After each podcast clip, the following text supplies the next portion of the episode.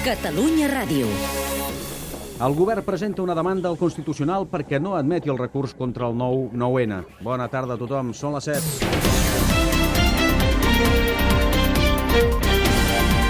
Catalunya Vespre. Edita i presenta Kilian Sabrià.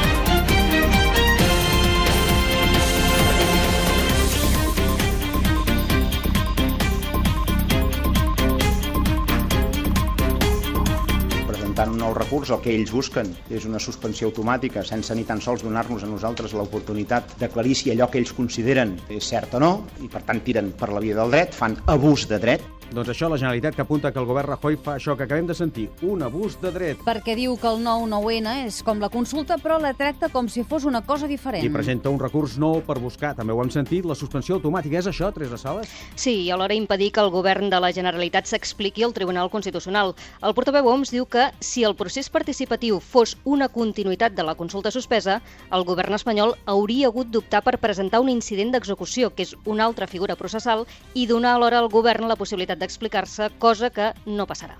Doncs som a la setmana del 9-N, una setmana que pot ser transcendental, no sé si l'últim, però sí un dels últims partits. Nosaltres estem en un partit molt important, però no serà l'últim. Però és molt important que aquest partit surti bé, perquè si no surt bé aquest partit, difícilment passarem a la fase següent, a l'etapa més decisiva. El president Mas que ha dit això a la presentació del documental que es diu així precisament, L'últim partit. Sobre els 40 anys de Johan Cruyff a Catalunya. Com diria l'holandès volador, sortiu i gaudiu. Que és bàsicament el que fa la gent que s'incorpora a la llengua, al català. que té a tocar la fita de la normalització definitiva. ens acostem a la normalització del català, però també és cert que encara ens queda camí per recórrer. Això ho ha dit el conseller Mascarell a la presentació al Parlament de l'informe 2013 sobre l'ús de la llengua. que marca una pujada després de 6 anys complicats. El 94% de la gent que viu a Catalunya entén el català i més del 80% el sap llegir i parlar. I hi ha un increment de l'ús del català entre els joves d'entre 15 i 30 anys, molt important. Són 5 punts més que 5 anys enrere. Això és gaudir del català, d'incorporar-s'hi, que és el que no podrà fer massa, això de gaudir, el Partit Popular. Sobretot si Rajoy ha llegit l'editorial escrita directament, sembla, per ell, del Financial Times. No n'hi ha prou de disculpar-se per la corrupció, perquè això no esborra els escàndols polítics d'Espanya. En canvi, el PP diu que ja fa molt i descarta canvis interns. Desde luego en el Partido Popular se han tomado medidas contundentes. Creo que desde los partidos políticos, al menos desde mi partido político, las decisiones que teníamos que tomar están tomadas. Aquí, mentrestant, constituïda la Comissió d'Investigació del cas Pujol. La voluntat de cartografiar, radiografiar i analitzar eh, l'evasió i el frau eh, fiscal en relació a les pràctiques de corrupció política. Presidida per aquest que sentim, el diputat de la CUP, David Fernández. La primera sessió de treball el 14 de novembre. En el difícil dia a dia de la supervivència, només de la supervivència de tantes famílies, no hi ha només un dia assenyalat, tot i que avui era un dilluns marcat en negre, això sí, a nou barris.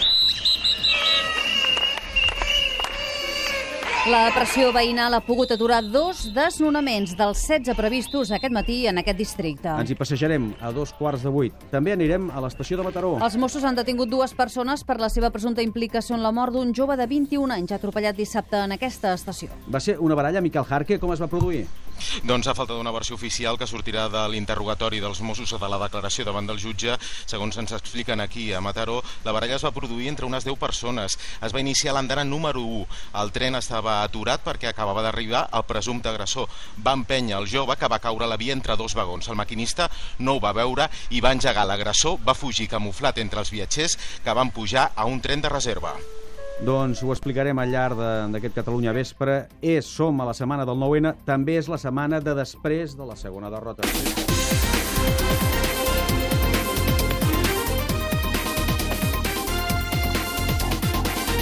I aquí, a Can Barça, concretament, allò de no n'hi ha dos sense tres, no es voldria aplicar, no voldria ni sentir-se'n a parlar. Eh? Sí, el que passa que no sé si hi ha alguna manera de garantir que no, que no es Garanties no produeixi, ha, però no. vaja. Escoltarem l'opinió del vestidor, avui per boca d'un dels seus capitans, de Sergio Busquets, però ara mateix, durant la tarda, s'està produint una imatge d'una altra cosa que va passar la setmana passada, que és aquesta divisió interna clara del barcelonisme, amb Joan Laporta guanyant en primera instància i l'actual directiva presentant recurs. Bé, doncs aquesta tarda, de manera involuntària, però s'està visualitzant molt aquesta divisió. D'una banda hi ha un acte de presentació d'un documental documental que fan sobre els 40 anys de Johan Cruyff a Catalunya. ara fa uns instants, eh, que sí. fa 40 anys que ha vingut. Allà hi ha Joan Laporta, tota l'ex- la exdirectiva, i molt pocs representants del Barça i són més aviat de segona fila, perquè el president del Barça no ha pogut anar perquè està a les instal·lacions del club eh, retent homenatge als exjugadors del Barça de les 5 copes i dels anys 40. També és mala sort que coincideixin els dos anys. S'han fet Salvador, moviments per intentar evitar aquesta coincidència, però ha estat impossible en la mesura que en l'acte de Johan Cruyff hi havia més de 2.000 convidats, gent amb agenda tan complicada com el president de la Generalitat, i a l'altra banda doncs, també hi havia eh, doncs, el compromís previ del president del Barça. Tot el que entre unes coses i altres, el que hi ha és la divisió clara entre una banda uns i a l'altra banda els altres. Repassarem el que ha passat en els dos actes.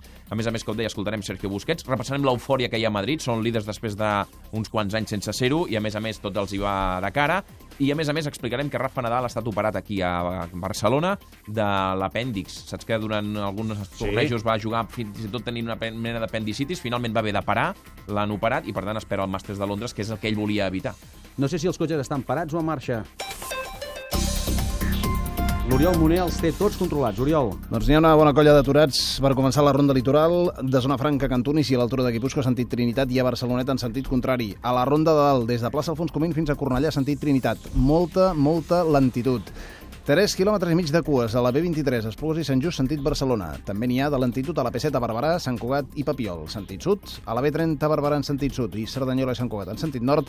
Hi ha un bon tram de retencions a la P2 al Papiol per enllaçar amb la P7 i encara es manté lentitud a la C58 a Montcada, sentit sud, Sant Quirze, sentit sud i Ripollet, sentit nord.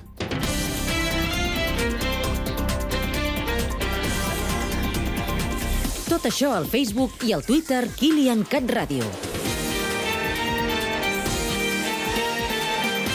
I atenció ara que ens interessa més que no el temps d'avui, que ja l'hem viscut o l'estem vivint, el de demà. I és que Protecció Civil emet, a més, prealertes dels plans Procicat i Inuncat davant de la situació meteorològica Montse adversa per pluja, vent, mala mar, prevista, com dèiem, per demà. Sí, es demana a la ciutadania que prengui precaucions, com ara no deixar els vehicles a rieres o zones inundables, creuar per passos elevats habilitats o netejar els canalons i desaigües de fulles i brutícia. Enric Agut, bona tarda. Hola, bona tarda. Ja havíeu avisat que dimarts canviava tot, però d'aquesta manera tan, sí, a l'engròs? Doncs sí, demà serà l'engròs, perquè avui ha estat més aviat puntual, han caigut algunes tempestes fortes, especialment a l'àrea metropolitana de Barcelona, al Baix Maresme, Barcelonès, Baix Llobregat, amb algunes petites incidències, per exemple al Masnou, o també a Premià de Mar, alguns carrers pròxims al a la platja han quedat una mica negats, i bé, serà demà quan arribi el gran canvi, podríem dir, el canvi gros, perquè la pertorbació se'ns tira damunt i s'esperen pluges arreu del país amb algunes tempestes, baixada de les temperatures, temps de tardor, mala mar, pels vents al sud que avui estan bufant, demà entrarà la tramuntana. Bé, en resum, un dia passat per aigua, un dia insegur per agafar la jaqueta, en alguns llocs l'abric, perquè s'espera que la cota de neu també baixi al Pirineu. Avui ha nevat als cims, però és que demà serà un gran dia per la gent del Pirineu perquè nevarà a zones altes, però a les pistes d'esquí nevarà, per exemple. La cota de neu baixarà, per dir-ho ràpid, fins als 1.400 metres al vessant nord del Pirineu i 1.700 a la resta. Demà en tornem a parlar. Gràcies, Enric, per l'avís. Bona tarda. Vagi bé.